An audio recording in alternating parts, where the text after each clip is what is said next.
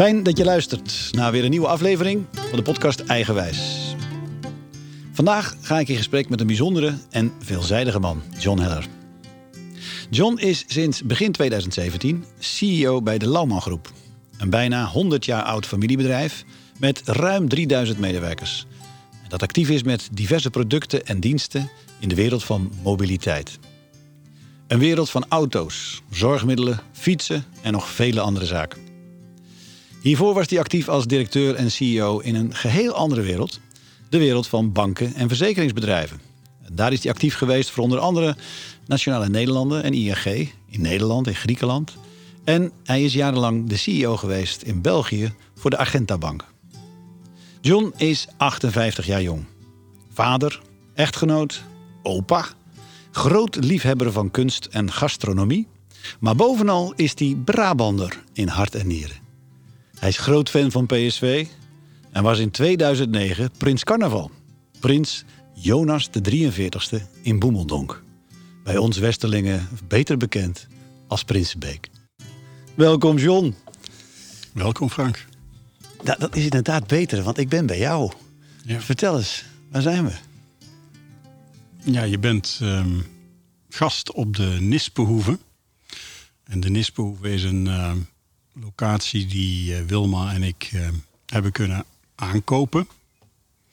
Maar die we ook vooral uh, sindsdien, tien jaar nu, verzorgen. En zorgen dat het, dat het blijft zoals het is. En tegelijkertijd toch gebruikt kan worden. En je bent, Frank, in wat wij noemen de Vlaamse schuur van de Nispehoeve. En dit is eigenlijk wel een hele bijzondere ruimte. Het is een ruimte waar we kunst exposeren. Uh, kunstenaars de gelegenheid bieden om hun kunst te tonen en ook aan mensen aan te prijzen. Uh, we verzorgen hier diners. We laten mensen samen koken. Maar eigenlijk het mooiste wat ik vind wat hier gebeurt... is dat we hier mensen samenbrengen. En mensen in ja, dialoog met elkaar brengen. Mensen elkaar laten ontdekken. En is misschien wat langer met elkaar praten dan het, het praatje pot. Wat je elkaar tegenkomt gewoon in een dorp of in een stad of in je bedrijf. Maar dat je elkaar echt een beetje be beter leert kennen. Dat vind ik in deze schuur altijd heel bijzonder en heel mooi. En ik denk dat dat komt omdat deze schuur al meer dan drie eeuwen oud is. En dat er al zoveel in deze schuur gebeurd is. Naast werken en heel veel opslag van granen en hooi en dat soort dingen. Maar ik denk, in deze schuur is geleefd. In deze schuur is echt, ja, zijn mooie dingen gebeurd. En dat proef je. En dat komt er ook iedere keer weer uit als mensen hier samenkomen. Prachtig, John. Het is inderdaad een ongelooflijk mooie ruimte. Maar als je dat zo, zo treffend beschrijft, dat zegt natuurlijk ook wel heel veel voor jou. Hè? Ik bedoel, ik zit aan tafel met uh, de CEO van een groot Nederlands familiebedrijf in deze Vlaamse schuur, zoals je hem beschrijft. Wat betekent deze plek voor jou? En wat, wat, wat betekent en wat zegt deze plek dus ook over jou? Nou, het begint dat het een plek is niet van mij, uh, maar dat we hem in bruikleen hebben. En uh, we hebben die in bruikleen, want ik doe dit echt samen met Wilma, mijn echtgenote.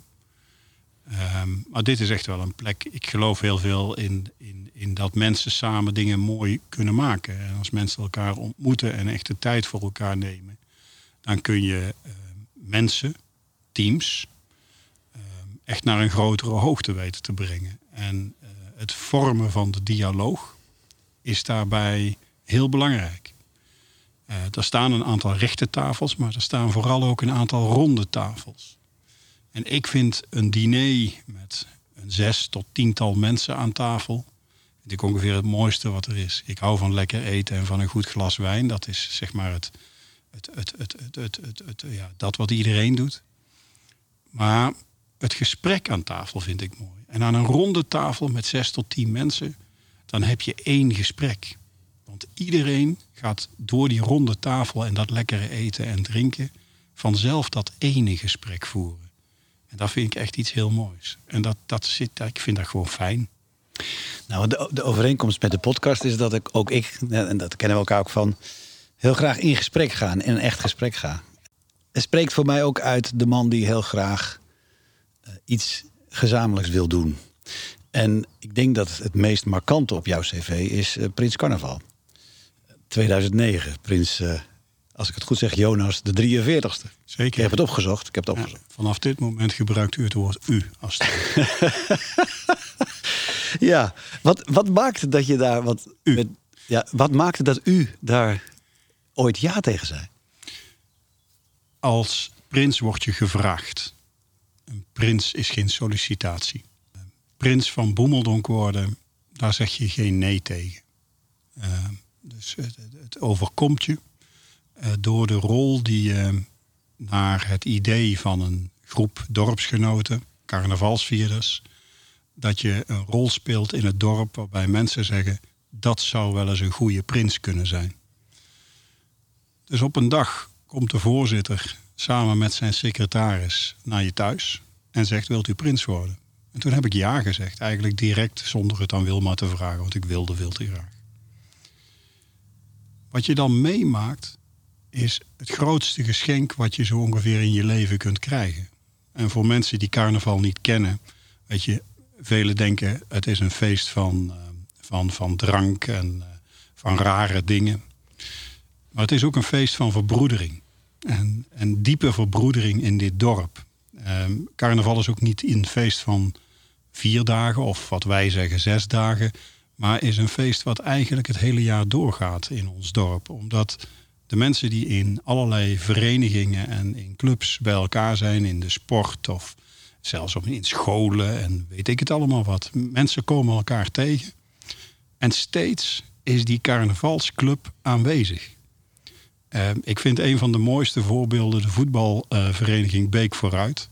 Daar heb je een eerste elftal en een tweede elftal. Maar je hebt ook een vierde of een vijfde elftal. Ik dacht dat het het vierde elftal was. En dat is een club van carnavalsvrienden. Maar ja, de ene helft zat bij de CV, carnavalsvereniging De Zandschuivers. En de andere zat bij de carnavalsvereniging CV De Bietjes. Moet ik het vertalen? De Beetjes. En ja, die stonden in één elftal, in één, in één voetbalteam. Dus hebben ze het team maar hernoemd tot de Bietjes Zandschuivers combinatie. Dat is carnaval in ons dorp. En dat doe je zowel in vreugde, maar dat doe je ook als iemand overlijdt. Het aantal keren dat er zelfs carnavalsmuziek tijdens een uitvaartmis heeft geklonken is, uh, is regelmatig. Um, je helpt elkaar ook. Hè. Dus bijvoorbeeld Prins Carnaval gaat op de vrijdag voordat de grote optochten, de kinderoptocht en de grote optocht door onze dorpen gaan uh, trekken, gaat op bezoek bij ernstig zieke mensen.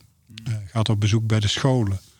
Uh, ik zeg het niet voor niks, het is een groot verbroederingsfeest. En het hoogtepunt van mijn prinsenjaar vond ik dat ik in de kerk hier mocht spreken. dat geeft nog maar eens aan hoe, hoe, hoe de verbroedering diep in het dorp zit.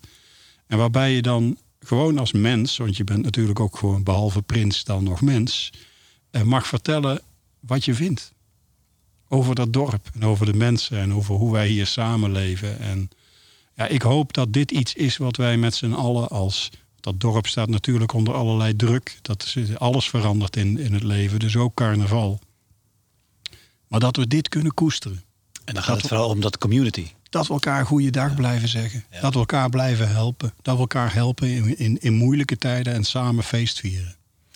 Als ik de brug maak, John, zit er een overeenkomst tussen Prins Carnaval zijn en CEO van een oh, groot jawel. bedrijf? Oh, er zit heel veel overeenkomst in. Um, kijk, ik heb in, in, in, mijn zakelijke carrière ben ik al heel vaak door allerlei assessments heen gegaan. Dat hoort er gewoon bij. En het is ook goed dat we dat doen. Het is ook goed om jezelf te ontwikkelen. En um, als, als Prins Carnaval in een vrijwilligersorganisatie, dan ben je nooit de baas. Maar je hebt wel alles te vertellen. En ik denk dat dat ook een hele goede samenvatting is van modern leider zijn. Um, je hebt heel veel te vertellen. Je moet heel goed luisteren en heel goed kijken naar wat er gebeurt. Uh, maar als je nog denkt dat je altijd de baas bent en de dingen kunt zeggen, ik geloof daar niet in. Soms lees ik dat wel eens in assessments die gaan over John Heller. Van ja, hij, hij is zo weinig de baas. Hij zegt zo weinig van en dit doen we. Dat klopt, dat bewaar ik voor de belangrijke momenten. En uh, sommige mensen vinden dat niet goed. Ik wel. Daarin, als, deze podcast heet Eigenwijs. En dan met een Z aan het einde om je eigen wijze te vinden. Maar daar moet je ook enige eigen wijsheid voor hebben. Is eigenwijzigheid. En dit uh, klinkt als, en zo doe ik dat. Zo heb ik dat ontwikkeld en dat past bij mij. Ja. Ja. Ja, ik, ik weet niet of ik daar heel veel aan, aan wil toevoegen. Want ik denk um, dat. Weet je. Um, je kunt jezelf niet verloochenen. Als jij uh, prins carnaval bent, dan ben je, je, je. staat in een heel transparant huis. Namelijk het huis van ons carnaval. Als je CEO bent en je denkt dat je dat vanuit je bureau in Den Haag of Amsterdam of waar dan ook kan, kunt doen, forget it. You're, you're, you're a nitwit. It doesn't work. Um, je bent onderdeel van een groep mensen. En dus leef je, leef je in, een, in een behoorlijk transparant huis. En, en, en dat doe je samen. En, en, en je gedrag kun je dus ook niet verloochenen, wie je bent en, en hoe je daarover denkt. Uh, als je dat gaat spelen of gaat aanleren, uh, daar geloof ik niet zo in. En toch een kanttekening? CEO van een groot bedrijf, dan heb je meerdere van dit soort interviews uh, waarin je publiekelijk moet spreken of je bedrijf. Hoe is dat als het gaat over jezelf blijven en toch jezelf heel bewust zijn van het feit dat wat je zegt heeft, heeft gewicht, heeft, heeft impact. Gaat dat soms ook een beetje ten koste van die spontaniteit? Oh jawel, maar zo, zo dramatisch is het niet. natuurlijk, hè, er zijn best wel dingen waarvan je weet, hey, dit gaat niet lekker in het bedrijf. Dus weet je, dat, dat, dat, dat neem je niet centraal. En als je dan een hele goede journalist hebt die goede vragen stelt en, en doorvraagt, dan kan dat af en toe uh, wel vervelend zijn. Ik heb vooral een hekel aan journalisten die zelf hun verhaal gaan maken. Um, als je gewoon echt in gesprek gaat, uh, dieper in gesprek gaat, dan kun je ook bij de onderwerpen die ik liever als CEO e-, even niet naar voren breng, kun je best wel aanraken. En dan is het aan mij om mijn talenten van communicatie en, en juiste wijze van dingen vertellen, om dat goed te doen. En, en ja, ik, er zijn best onderwerpen die ik in interviews even vermijd. Ja, dat begrijp ik. Zullen even voor de luisteraar. Wij kennen elkaar van lang geleden. I love, I love people, Frank. Ja, dat weet ik, hè. uh, even voor de, voor de verklaring. Uh, wij hebben samen in 1994, 96 de, het hele mond vol Executive MBA, MBI gedaan op de Erasmus Universiteit. Wat nu Rotterdam School of Management heet. En daar kwamen wij elkaar tegen, eigenlijk aan de vooravond, kun je zeggen nu, hè, achteraf gezien van uh, wat je wilde gaan doen in de wereld. En die opleiding die had ook de pretenties om je op te leiden voor general management. Nou, in jouw geval is dat volledig gelukt. Uh, en ik heb een andere weg begaan. Ik bedoel, ik heb er ook wel stapjes in gezet, maar we hebben vooral uh, de weg op gegaan van het begeleiden van leiderschap. En me daar dus behoorlijk in verdiept. En daar wil ik met jou even op ingaan. je bent nu echt ervaringsdeskundige. En je weet, althans we hebben gesprekken eerder gehad, dat ik naar leiderschap kijk vooral vanuit het perspectief van innerlijk leiderschap. Uh, je hebt leiderschap vanuit je positie. Je bent CEO, dus je hebt sowieso impact omdat je een positie hebt die veel mensen beïnvloedt. Je hebt daarmee dus de positie, je hebt expertise. Je bent deskundig op de inhoud. Maar je leidt, in mijn beleving vooral, de impact is vooral het grootst als je durft jezelf te zijn en daarin groeit. En dat stuk neem je altijd mee. Dat andere is context en situationeel afhankelijk. Ik hoor je net mooi zeggen, ja, zo doe ik dat. Dat is uh, John Heller. En sommigen vinden daar wat van. Als je die, die kant van innerlijk leiderschap, je bent nu 58, ervaringsdeskundige en nog steeds lerend, maar je hebt veel beleefd, dan ontvouwt zich, ontwikkelt zich jouw stijl. Stel ik me zo voor. Hoe zou jij die omschrijven, jouw stijl van leidinggeven? Ik denk dat mijn stijl. Hmm, participeren is een belangrijk woord. Ik denk dat dat niet anders kan. Um, dat hoort bij hoe ik het wil. Um, ik ben er ook diep van overtuigd dat je, eh, als je het niet samen doet, dan heeft het geen waarde zelfs Picasso had samenwerking nodig om tot Picasso-werken te komen. En ja, het is een groot getalenteerd mens, maar ehm, zonder galerie was Picasso nergens. Dus wat Maagd bijvoorbeeld voor hem heeft gedaan in uh, Parijs en Zuid-Frankrijk is, is, is, zeer, belangrijk geweest. Um, ik denk dat mijn stijl van leidinggeven er één is om resultaat te halen maar niet ten koste van alles. Ik denk dat mijn stijl van leiding geven is het het bestaande uh, challengen. Vind ik een heel belangrijk element in, in mijn stijl. Ik hou ook graag ervan, en ik denk dat dat ook in, al in mijn studie aan de Universiteit van Tilburg terugkwam, om te kijken naar het grotere geheel, naar de, de macro-context. Ik, ik hou van systeemdenken. Um, ik denk dat mensen daar een heel belangrijke rol in spelen. En weet je, als ik me nu laat testen, heel recent nog eens, dan komt dat niet meer als een heel dominant element naar voren. Maar het is wel altijd aanwezig. Ik ben niet zo'n structuurjongen. Ik ben niet meer zo goed in plannen. Ik heb ooit een economiestudie gedaan en weet je, dan weet ik zeker, daar zit heel wat structuur en planning in. En toch heb ik het steeds minder belangrijk gevonden in de loop van de jaren. Ik ben meer langs de kant van ideeënrijkdom, context en participatief leiderschap uh, gaan, gaan ontwikkelen. Um, en, en ik ben er ook wel steeds meer van overtuigd dat het de leiders zijn die het doen. En dat, dat is een beetje, eh, kijk, natuurlijk doen we het samen en met allemaal, maar als het leiderschap niet goed in elkaar zit, kan een bedrijf ook niet floreren. Ik wil eerst, voordat ik daarop inga, een stap terug naar jezelf je eigen wijze vinden daarin, dat is niet een flatline. Nee. Je hebt dus nu, uh, laten we zeggen, het voortschrijdende inzicht met, dit, met deze conclusie. Wat heb je zelf innerlijk moeten overwinnen om dat stuk van jezelf zo mooi naar voren te kunnen laten komen? Volgens mij ben ik daar nog steeds mee bezig. Um, ik, ik, ga toch maar een paar voorbeeldjes noemen. Um, weet je, vroeger moesten we spreekbeurten doen in de klas. Dan zit je daar met 30 leerlingen middelbare school, begin middelbare school. Ik kreeg geen woord uit mijn bek. Ik was gewoon stiknerveus. Ik vergeet nooit meer dat ik eens een keer... leraar heette Brouwers, Nederlandse leraar. Ik moest een gedicht voorlezen. Ik kreeg het gedicht uit mijn mond, dat nog wel. Met knikkende knieën, met zwetende handjes. Zeer onzeker. Eh, voor de groep staan, zeer onzeker. Ehm, en weet je, bij een gedicht moet je er ook echt wel een slot aan maken. En, en, en, en, en, en het slot kwam gewoon niet tot stand. Het, ik hield op. en, en als ik me daar nu mee vergelijk, hè, met die herinnering uit, nou ja, niet mijn echte jongste jeugd, maar wel jong. Ja, zet me nu in een voetbalstadion vol. En het interesseert me helemaal niks. En ik vertel mijn verhaal wie ik ben. Dus daar heb ik iets geleerd in de loop van mijn leven wat ik heb geleerd. Ik zie jonge mensen om mij heen en dan denk ik van ja, die denken dat alles direct moet. Ehm, dat heb ik geleerd, zelfs op oudere leeftijd, dat dat echt niet nodig is. Het is niet nodig om alles te moeten.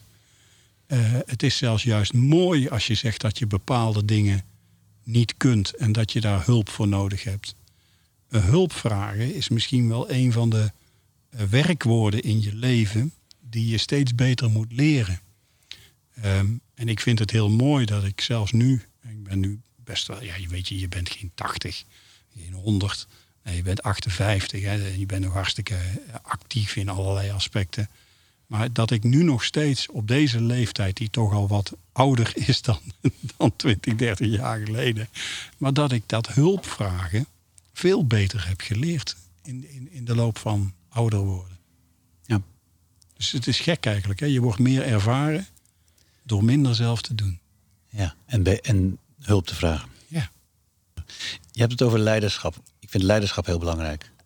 Stuur je een groot bedrijf aan, eh, faciliteer je, je hebt een belangrijke rol. Hoe stuur je daarin op leiderschap? Wat doe je? Frank, welke vraag stel je nu, jongen? Je bent er zelf voor een deel bij betrokken, hè? Dat, dat hoef ik je niet te vertellen. Um, dus één, um, ik praat zeker in de beginfase dat ik in een bedrijf ben heel veel met die mensen. Ik wil die mensen leren kennen. Ik wil weten hoe ze in elkaar zitten. Ik wil weten hoe ze zich gedragen. En um, misschien dat ik vroeger nog wel meer heb gedacht van ja, maar mijn manier van leiding geven is de manier zoals het moet, normatief. En, hoe zou je die toen omschreven die, hebben? Die, die, was, die was echt wel meer van vanuit mij naar het bedrijf. Uh, meer directief, uh, meer uh, zeggen hoe het moet. Um, terwijl ik nu ervan overtuigd ben dat de grootste opdracht die ik nu heb als CEO van een groep van bedrijven, dat ik op die bedrijven de juiste teams zet. En de juiste, daar is niet één juiste, maar een goede mengeling van teams maak. En dat werkt alleen maar op het moment dat je de mensen die je eindverantwoordelijk voor zo'n team maakt, de voorzitters van zo'n zo'n managementteam, dat je die goed kent. Dat je begrijpt waardoor ze door gedreven zijn. En bij de een is dat een heel erg resultaatgericht iemand. Bij de andere is dat zijn liefde voor auto's. Bij weer een ander is dat ja, misschien wel geld. Mensen zijn anders. En dat maakt de een of de ander niet fout. Ze hebben een talent en, en de mengeling van talenten kan zeer mooi zijn om een bedrijf te leiden. Ja. In je eigen wordingsweg, dat blijkt ook uit de afgelopen gesprekken, het gaat ook voor mezelf, kom je mensen tegen die je een beetje de goede kant op duwen. Noem het gidsen, noem het inspirerende mensen die dan zeggen: hey joh, zou dit of ik zou dat. En dat blijkt achteraf, blijken dat ja, gouden ja. Eh, interventies te zijn geweest of adviezen. Ja. Heb jij die ook meegemaakt? Ja, Jan Nijssen. Uh, dat is de eerste die ik altijd noem. Uh, er zijn er meerdere, maar Jan Nijssen is voor mij de meest opvallende. Een man die hyperactief is, super intelligent. Maar die zei tegen mij toen ik in, in, mijn periode bij Nationale Nederlanden heel veel operationeel en commercieel leidinggevende functies vervulde. John, één ding. Blijf praten met mensen. Blijf in gesprek met mensen blijf je teams aansturen zoals jij dat doet door in contact te treden met die mensen. En daar heeft hij ja, een kernkwaliteit van mij laten ontduiken. Ehm, en ik heb het niet alleen van hem gehoord, maar hij was ja, een de man die connectie met mij maakte. En hij was ook degene die me al in de beginfase van mijn carrière echt geholpen heeft om die weg op te gaan. Ja, eh, hij had zo een groepje mensen om zich heen en het, eh, in de diversiteitstijdperk had hij het waarschijnlijk niet gewonnen, maar hij noemde dat mijn jongens. Hmm. En uh, ja, dat, is, dat blijft in me zitten. En ik ben Jan uh, zeer dankbaar. Ik heb ooit voor Jan en, en een andere man, Gerard van Staveren, die ik ook in die periode heel goed heb leren kennen, samen met hun partners bij mij thuis. En toen was ik denk ik een jaar of veertig een keer een diner laten maken. Tuurlijk, hè, eten, drinken, komt altijd terug. En ik heb toen ergens tussen het hoofdgerecht en het dessert samen met Wilma, samen met Wilma, het woord gepakt om die mensen dankjewel te zeggen. Fantastisch. Vergeet ik mijn leven niet meer. Als je, als je het hebt over wat heeft het me misschien wel gekost het te doen op mijn eigen wijze. Want hè, dit, dit, je praat vanuit die ervaring van dit is belangrijk geweest, dat en dat heeft geleid tot dit. Heeft het je ook wat gekost?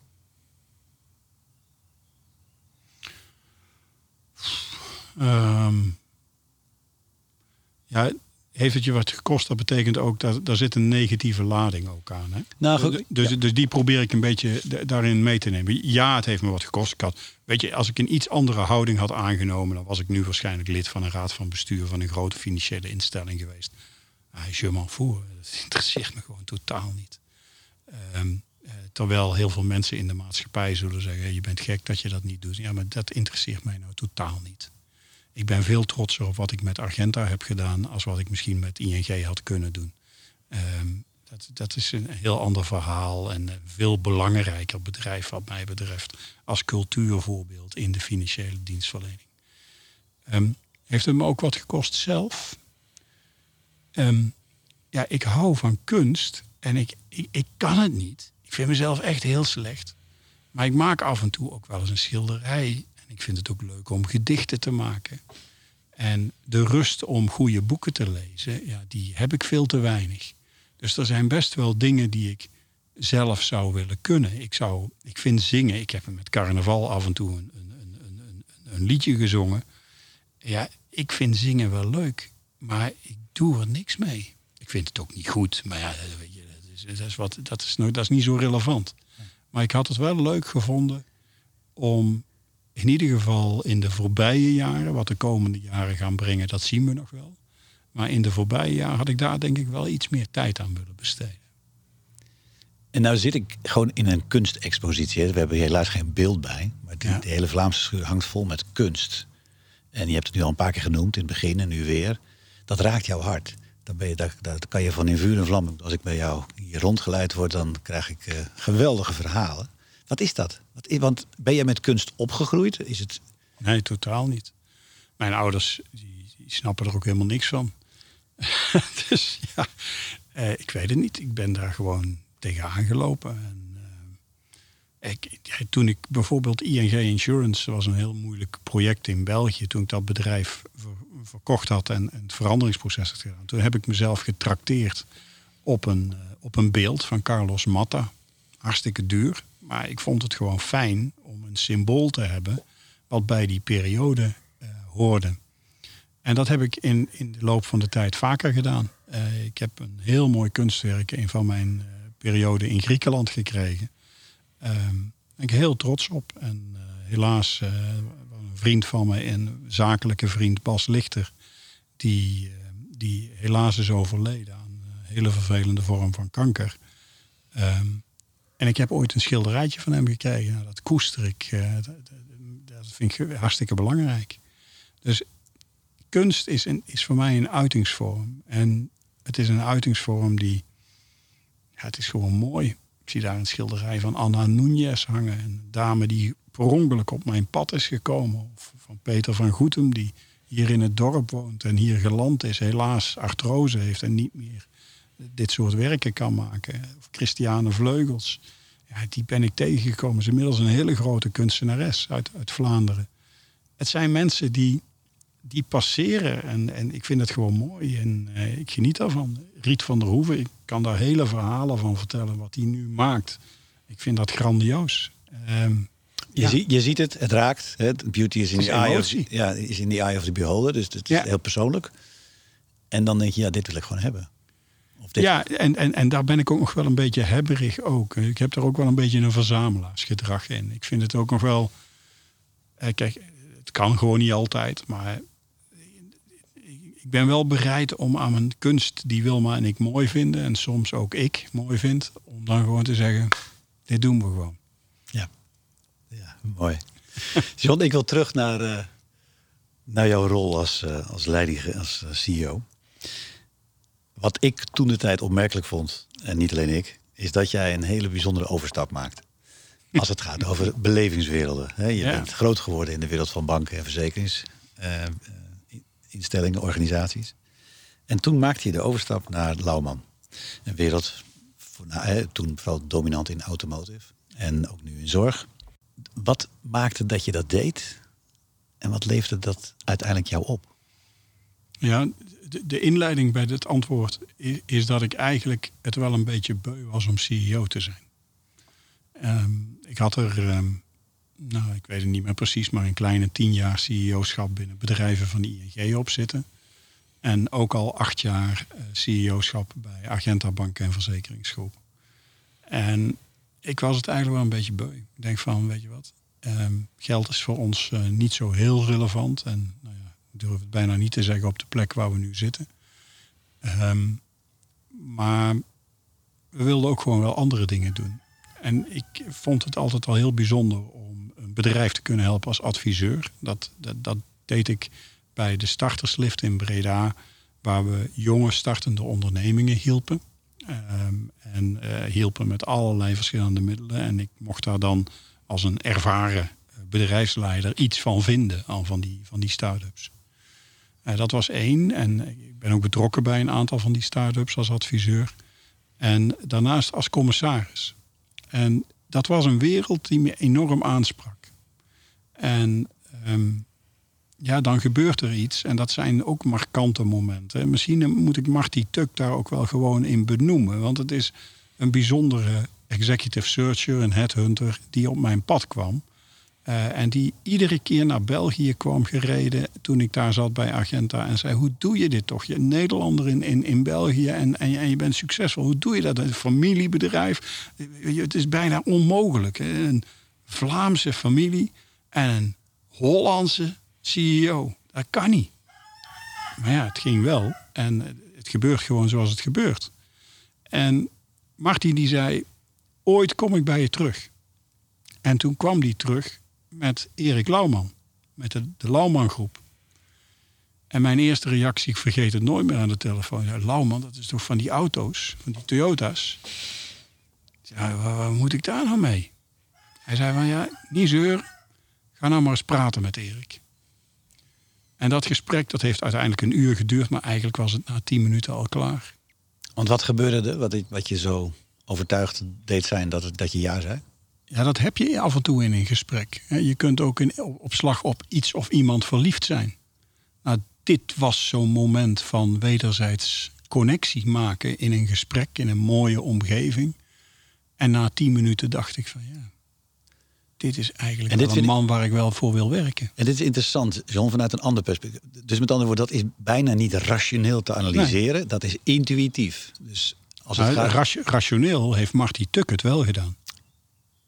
Maar waarschijnlijk heeft hij het ook iets ingeschat, gevoeld van die John Heller. Eh, hij heeft ooit waarschijnlijk eerder met Erik Lauwman gesproken. Ja, vele malen. En dus heeft hij de brug ook gemaakt. En wat ik, wat ik eigenlijk wil zeggen is, in mijn ervaring gebeuren heel veel dingen uiteindelijk intuïtief die we rationeel achteraf een goed verhaal van maken. Ja.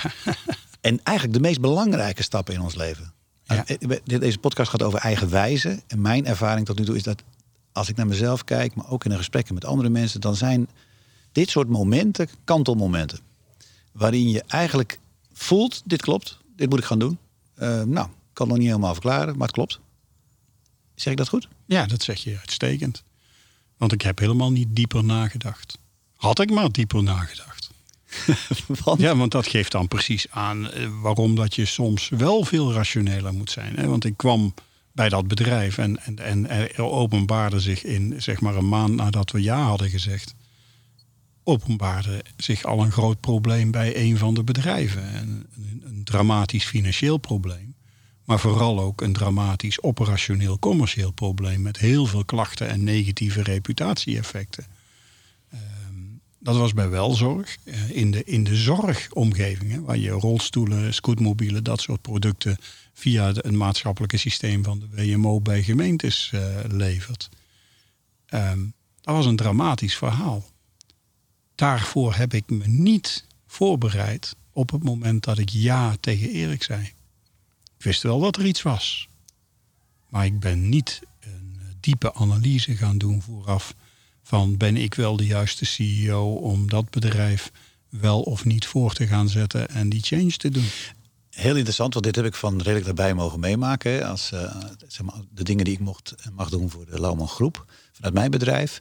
Maar eigenlijk vertel je ik maakte een enorme switch. Hè. Ik ga van een, echt een, wereld die ik eigenlijk niet ken vanuit ervaring. Uh, ik stap uit een heel andere wereld daarin. En na een uur denk ik, ja, dit ga ik doen. Dit ga ik doen. En kom vervolgens in die wereld terecht die je niet kent. En nou, daar sta je dan. En dan uh, ga je vervolgens, want zo ken ik je ook, weer heel erg veel gebruik maken van het strategisch inzicht. Van de de analyse, van het goed doordenken van wat is hier nodig en wat kan er gebeuren en wat moet ik gaan doen. Dus eigenlijk mijn opmerking zit meer, het is altijd een combinatie, intuïtie, ratio, intuïtie. Intuïtie, ratio en teams. want daar hoort echt dat, dat element hoort erbij. Um, want waarom kan ik die van, van intuïtie naar ratio die stap maken? Omdat ik daar mensen tegenkwam, eh, financieel, operationeel, logistiek, programmamanagement, die met mij die slag naar ratio konden en wilden maken. Dat waren mensen die voor mij, weet je, die had ik nog nooit ontmoet uh, in, in, in, de jaren daarvoor. Dat waren, was een nieuw team.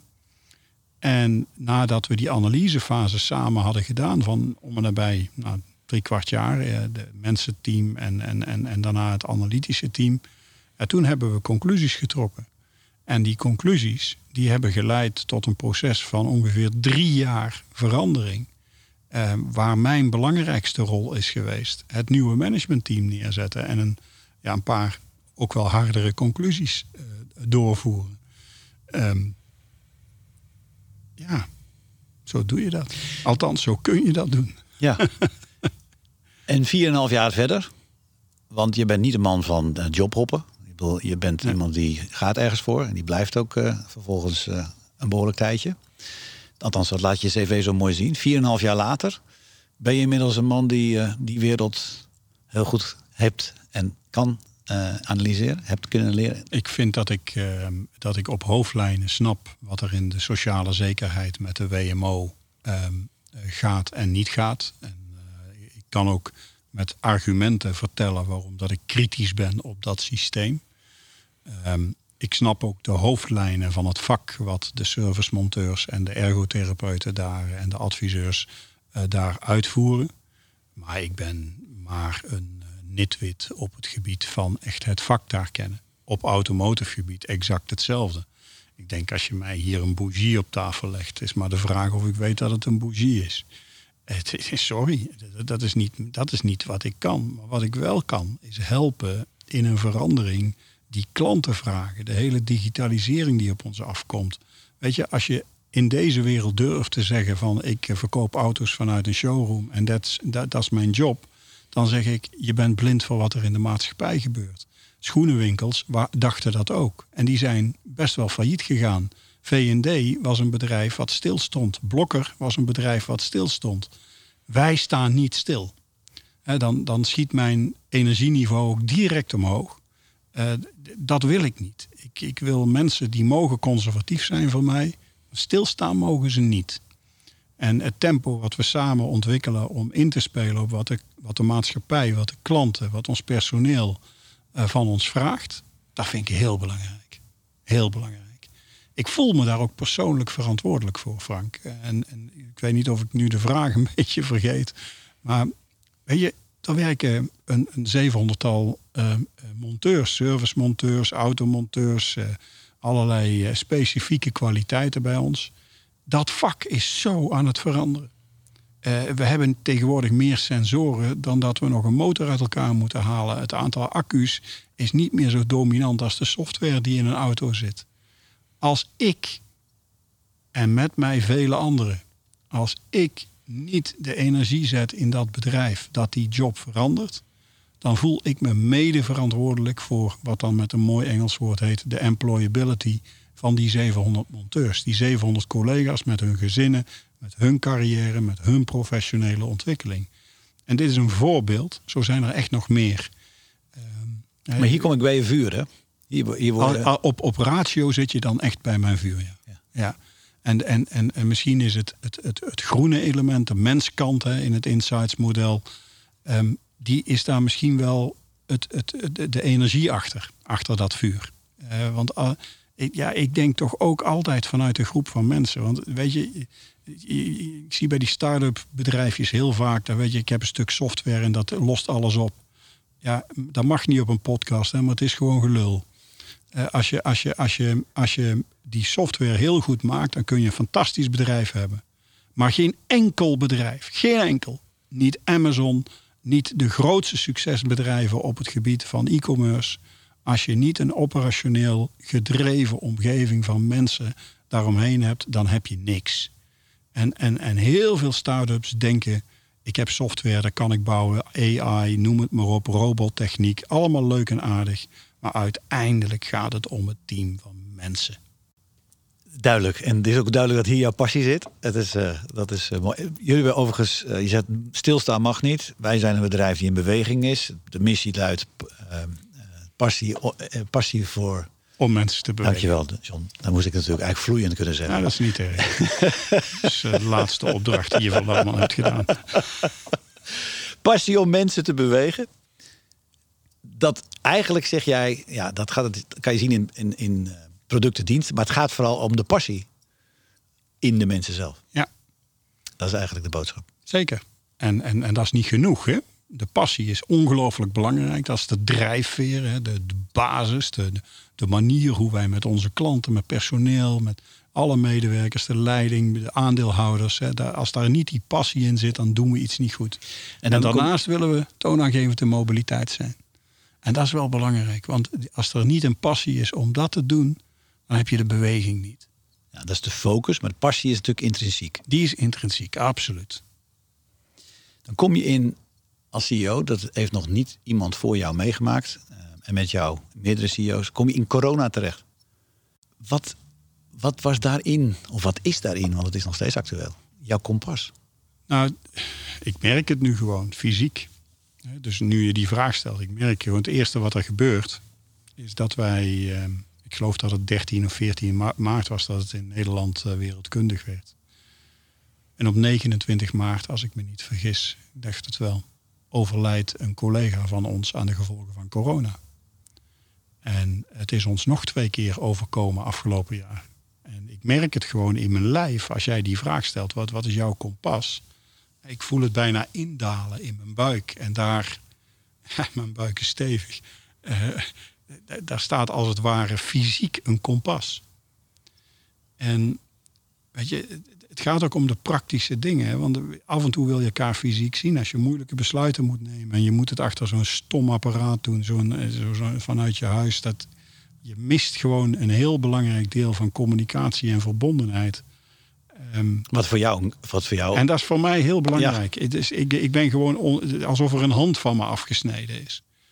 Ehm, dus ja, de regels van hoe wij als coronacrisisteam daarop reageren. En ik ben heel trots op het team wat dat doet. Het zijn sterk operationeel georiënteerde leidinggevende mensen, HR daarbij, communicatie daarbij. Goed team wat, wat echt de basis is op dit vlak. Ze adviseren aan, aan de groepsdirectie. Maar ik vind het echt, zij zijn de baas eh, op dit vlak. Om daar altijd aan te houden, dat is best moeilijk. Dus wat is je kompas? Dat is de gezondheid van de collega's, de gezondheid van de klanten. Dat is het advies wat het CCT aan de groepsdirectie geeft. En daar proberen aan en te CCT CCT staat voor? Het eh, crisis, eh, coronacrisisteam eh, binnen ons bedrijf. Um, sorry voor meneer Rutte, maar meneer Rutte is niet mijn kompas bij corona. RIVM is niet mijn kompas bij corona. Natuurlijk zijn zij input. Dat is wat er naar het crisiscommunicatieteam gaat. Maar als mijn medewerkers bijvoorbeeld in de werkplaats zeggen: Ik voel me onveilig, dan kunnen ze van alles verzinnen. En zij worden natuurlijk ook beïnvloed door persconferenties en regels. Maar het gaat om het echte gevoel wat er bij de klanten en bij de medewerkers zit. Daar wil ik op inspelen. En dat proberen we dan via centrale regels te doen. Maar uiteindelijk gaat het om het gedrag wat mensen doen omdat ze willen bijdragen aan een gezonde, veilige omgeving. Je bent een man van community, John, dat is duidelijk. Je bent een man van samen. Je bent begonnen met dit gesprek, dialoog. Uh, het, gaat jou echt om de mens. In alles wat je doet. Ja. En in je stijl van leiding geven. Want mijn vraag uh, die ik daarvoor had is... Nou ben ik die jongen. Wij zijn in 96 afgestudeerd. Maar er komt weer een nieuwe lichting. En wij kregen toen les van ervaren mensen zoals jij dat je nu bent. Wat zijn wat zouden jouw adviezen zijn naar die nieuwe generatie die ook ambities hebben om ooit die positie te bereiken die jij nu hebt? Ik wil niet dingen zeggen als maak geld niet te belangrijk. Ik wil niet dingen zeggen als blijf dicht bij jezelf. Ik wil niet dingen zeggen als doe de dingen die je leuk vindt. Um, omdat dat voor mij allemaal uitspraken zijn. Ze zijn belangrijk en ze zijn waar. Maar daar hebben ze mijn advies niet voor nodig. Ehm, ik zou bijna zeggen van, ehm, ik ben betrokken nou, bij... Nou, laat, laat ik dan de vraag scherper maken. Je bent, en ik denk dat je dat wilde gaan zeggen, je bent betrokken bij ook jonge opkomende bedrijven. Daar is Lauwman ook bij betrokken. En daarin ondersteun je jonge uh, leidinggevenden die uh, met behoorlijk veel ambitie uh, mooie dingen aan het doen zijn. En die coach jij op jouw manier. Ja. Waar coach je ze vooral op? En daarmee... ja, ik coach op de persoon. Ehm, en en eh, als, ik, als ik bijvoorbeeld fietsvoordeelshop kijk, en eh, ik ga niet alles vertellen, dat vind ik niet, uh, dat vind ik geen pas hebben. Maar dat is een hele resultaatgerichte, krachtige, sneldenkende ehm, persoon die daar leiding aan geeft. Die overigens erg goed in elkaar zit qua balans van wat is goed en wat is fout. Hè. Dat is natuurlijk altijd iets heel moeilijks om daar, uh, om daar uh, een, een, oordeel over te hebben. Maar ik vind dat hij heel goed in elkaar zit. Maar het tempo waarin hij gaat, is in deze snelgroeiende context, is er echt eentje waar ik hem op wil coachen. En af en toe, en ik ben er ook nog bestuurder in dat bedrijf, trek ik hem gewoon terug en zeg: Nou niet, dit niet, dit laten we liggen. Dat doen we later wel. En, en hij snapt dat. En zeker ehm, raak ik hem daar ook in de, in de dingen die hij doet. En, en, en dat vind ik mooi. Een ander voorbeeld. Een hele intelligente jongen. Uh, behoorlijk ook uh, mensgericht. Hij wil het met zijn team doen. Hij heeft uh, 30 professionals die aan hem uh, rapporteren. Een database management club. Hele mooie jongen. Intelligent. Maar soms misschien wel te weinig doortastend. En wat hij in ieder geval mist, is zichzelf en zijn team verkopen. Tel en cel is een kwaliteit die ik heel veel mensen toedicht. Heb ik overigens zelf geleerd toen ik ooit bij Nationale Nederlanden startte. Maar tel en cel, als je zo'n database management club hebt, ja, als je niet oppast, dan zit je drie hoog achter met een stel intelligente dames en heren uh, dingetjes te verzinnen en te doen. En je vergeet dat je zelf een belangrijke rol te hebt te spelen, ook in jezelf verkopen. Ik ben de grootste ambassadeur van dat deel van het bedrijf.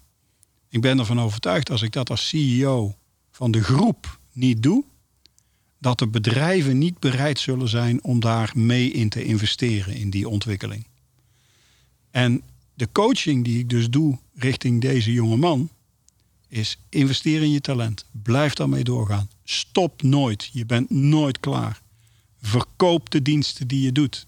Dus ik geef nu twee voorbeelden van twee compleet andere type mensen. Bij Fietsvoordeelshop hoef ik echt niet talent zelf te, te coachen. Die kan het mij leren. Ja, maar je, je, zegt eigenlijk, en dat is antwoord op een, op een, op, vanuit een ander perspectief op de vraag: wat zou je jonge gasten mee willen geven die die ambitie hebben? Investeer in jezelf. Uh, stop nooit. En zorg dat je jezelf profileert, laat zien. En ja. uh, tel en cel noem je en, dat. En, en, en, en ik vergeet door je vraag heen één opmerking die ik wel generiek wil maken. Er is bijna niemand zo goed dat hij geen coach of mentor nodig heeft. En dat geldt dus ook voor John Heller. Ook als hij 58 is. En die coach en mentor waarschijnlijk meer kan vertellen als wat zij hem kunnen vertellen. Heb jij ook nog steeds een coach? Um, dat wisselt. Um, het is niet een coach die altijd um, aanwezig is. Maar ik heb ze wel. Je kent een van de dames, uh, ken je, Angela van der Loo, die mij echt op momenten goed heeft geholpen. Dat heb je zelf ook gedaan. Uh, dus dat zijn er al twee van de recente periode. Ik heb in mijn periode bij Argenta heel veel samengewerkt met Willy Vochten. Uh, die mij en, en mijn omgeving heel veel uh, heeft, uh, heeft begeleid en geleerd. Um, en ik denk dat meer op, op cognitief niveau, op strategisch niveau, dat er ook een aantal mensen zijn die me echt geholpen hebben. Um, want dan denk je, ik weet veel van verzekeren. Maar dan kom je erachter dat je er eigenlijk helemaal niet zoveel van weet. Ja. hoe beter je bent in een vak, hoe meer dat je jezelf gaat realiseren dat je een mens met grote beperkingen bent. En, en misschien hoort dat ook wel bij eigenwijs, uh, Frank. Uh, weet je, um, al, al, al, al, die, al die kwatsers die denken dat ze alles weten. Ja, joh, dit, dit, dit, dat is helemaal niet waar. Is het leuk om 58 te zijn, John, met al die ervaring? En... ik, ik heb het wel naar mijn zin. Um, ik, ik vind wel dat ik hard aan het werken ben. En uh, toen ik uh, vijf jaar geleden uh, besloot om meer de advieskant op te gaan, dat is ook wel echt iets wat mijn voorland is. Ik ben liever de adviseur, uh, commissaris, um, uh, misschien minderheidsbetrokkenen via aandelen of anderszins, dan dat ik deze rol van CEO. En dit is echt wel een, dit is een energievragende rol. En mensen om mij heen zullen ook zeggen, en je geeft ook veel energie in en je stopt er veel in. En af en toe misschien wel te veel. Dus dat is een balans in mijn leven. Ik heb het naar mijn zin als 58 jaar. Het is hartstikke leuk om opa te zijn. Het is hartstikke leuk om hier in dit mooie dorp te wonen. Op een prachtige locatie. Met je vrouw, met je kinderen nabij. Uh, te zien groeien. Die kopen een huis. En daarbij te helpen. Weet je, zijn allemaal hele leuke dingen. Er zijn ook minder leuke dingen. Hè? Mijn vader die ziek is aan, van Alzheimer. En die, dat houdt je echt wel enorm bezig. Um, dan kom je ook tegen de beperkingen van sociale zekerheid aan uh, te lopen. Want dit gaat natuurlijk niet om dingen die, die mensen voor je regelen. Dit gaat erom wat je zelf regelt en hoe je zelf zorg kunt geven aan mensen die, uh, die in je hart zitten. En uh, ja, ja, ja, ik denk dat dat wel, dat dat wel het beeld is. Mooi. John, ik vroeg je vooraf, en dat is een beetje traditie in deze podcast, om een muzieknummer uit te zoeken die voor jou van grote betekenis is. En ik moest, uh, we wel even zoeken, want je hebt er eentje uitgezocht die, uh, laten we zeggen, niet uh, in de categorie van deze laatste tien jaar zit. Maar daar zit wel een bijzonder verhaal aan vast. Vertel, en dan zal ik hem daarna voor jou en voor de luisteraar uiteraard aanzetten. Er zijn een paar dingen. Ik heb er niet heel goed over nagedacht, Franco, maar ik ga toch een paar dingen vertellen. Eén, het is niet in het Engels. Uh, het liefste had ik een Nederlandstalig nummer gekozen, heb ik ook aan gedacht, maar ik heb het uiteindelijk niet gedaan. Maar ik heb wel een Europees lied gekozen. Ik heb een Europees lied gekozen van het land wat Wilma en mij enorm aan het hart ligt, en dat is Italië. Um, een prachtig volksnummertje. Uh, wat ooit op het Euro Eurovisie Songfestival uh, is gezongen. Ik weet niet of het gewonnen heeft, want het zal het ongetwijfeld zeer goed hebben gedaan. Um, en um, ja, ik kijk nu naar een schilderij. Dat kan ik natuurlijk de podcastluisteraars niet, niet vertellen. Maar ik kan het wel een beetje beschrijven. Het is een mooie jonge vrouw die um, een, een blauw gezicht heeft voor de helft. Een beetje zoals je dat ziet met van die, van die feesten waar ze met allerlei kleuren bezig zijn en, en dan in, in het gezicht smeren. Uh, carnavalesk.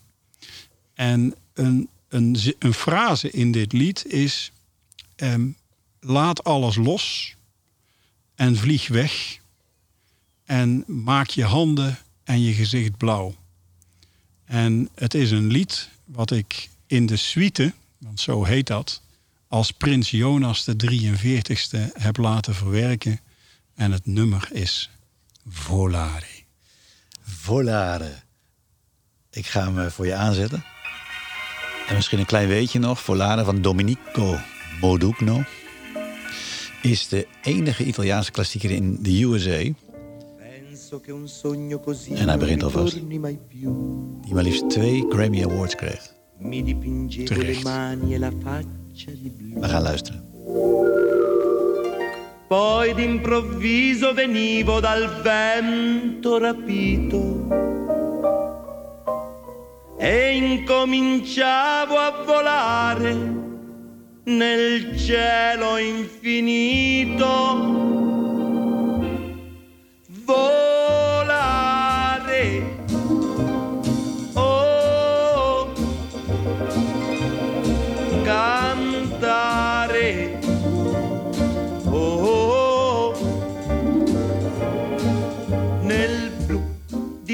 Dipinto di blu, felice di stare lassù.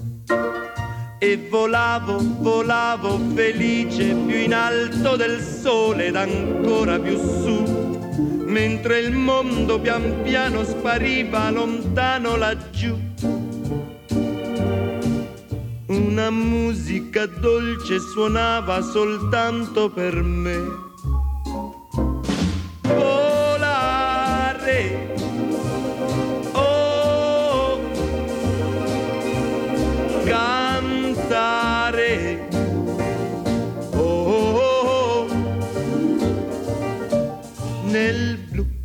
Dipinto di blu, felice di stare lassù ma tutti i sogni nell'alba svaniscono perché quando tramonta la luna li porta con sé. Ma io continuo a sognare negli occhi tuoi belli, che sono blu come un cielo trapunto di stelle. Volare. Oh, cantare. Oh, Volare. Mooi, John. Ik wil je heel hartelijk bedanken. Weet je, weet je, Frank, ik heb dit ooit zelf live gezongen. Vertel. Bij de opening van een personeelsfeest van Argenta had de familie van Rompuy, die de eigenaren zijn van, eh, van uh, Argenta en dat feest hadden georganiseerd. Die zeiden van John, zou jij durven dit nummer te zingen? En ik was stiknerveus. Ik heb het wel gedaan. Het is gelukt. Nou ja, publiek, En dit- zong, het publiek zong Dit mee. langzame... Ja, ja, het moest wel het langzame versie zijn. Want eh, die, die andere snelle versies, dat vind ik weer van dat nieuwerwetse gedoe. Dat is leuk voor op een feestje. Heel goed. nel blu degli occhi tuoi blu, felice di stare qua giù Dank John voor dit mooie gesprek. Dat was ons gesprek, man. Nou, Ik ben goed- nieuwsgierig. Hoe heb je het... Heb je goed gedaan, Frank? Ja? Vond je het leuk? Ja, altijd leuk. Mooi. Ik moet Ja. zeggen, met al die apparatuur erbij eh, geeft toch nog een iets andere context. Ja. Maar het zijn altijd mooie gesprekken met jou. Ja, ik vond het ongelooflijk eh, fijn dat je de tijd en de ruimte hiervoor neemt. En dat op deze plek. Het is echt... eh, want even voor de luisteraar. Jij houdt met Wilma hier exposities. Ja. En daar kunnen gewoon eh, iedereen Ja. naartoe komen, hè? Zeker. En eh, gratis toegang, altijd. Eh, het enige is, we moeten een beetje naar de... Ja, de, het moet niet te druk zijn. hè, dus dat hebben we over het algemeen goed geregeld. Maar het, ja, ik zou bijna zeggen, een beetje reclame maken via de podcast. Culinart. C-U-L... Ik ga het voorspellen. C-U-L-I-N-A-R-T.nl. Zo is het. En daar vind je alles wat betreft... Binnenkort gaan we weer twee eh, kunstexposities achter elkaar doen. Eentje in eh, september 21 en in oktober 21. Hele mooie kunst. En als ze nog iets wil, meer willen weten over John Heller... dan kunnen ze dat via allerlei kanalen vinden. Maar zeker ook via de Lauwman Groep. Ja. Zeker, LinkedIn eh, doe ik graag. Ehm, het is een eh, sociaal medium wat mij bevalt. En dat deel ik veel. En ik kom graag in gesprek met mensen. Nou, bij deze. Nogmaals dank en eh, tot een volgende podcast. I love people, Frank. Even voor de luisteraar, waarom zeg je dat al twee of drie keer? In het begin van onze studie, de luisteraars, moesten wij eh, onszelf kenbaar maken door iets te roepen over, eh, over ja, wie ben jij? En dan moest je iets roepen wat jou kenmerkte. En John, je raadt het al, die zei gewoon, ja, je kunt het bijna niet geloven, I love PSV. Zo is het. En ik op mijn beurt zei, na, niet zo eens erg nadenkend, wat moet ik nou zeggen? Ik- I love people. Nou, dat heb ik geweten. Dat, dat ben jij nooit vergeten. Nee, omdat het ook een, een, ja, ik zou maar zeggen, een stempel voor jou is. Het is wie jij bent. Daar past alleen maar stilte. Dankjewel. Eigenwijs. Eigenwijs. Tot later. hoi hoi.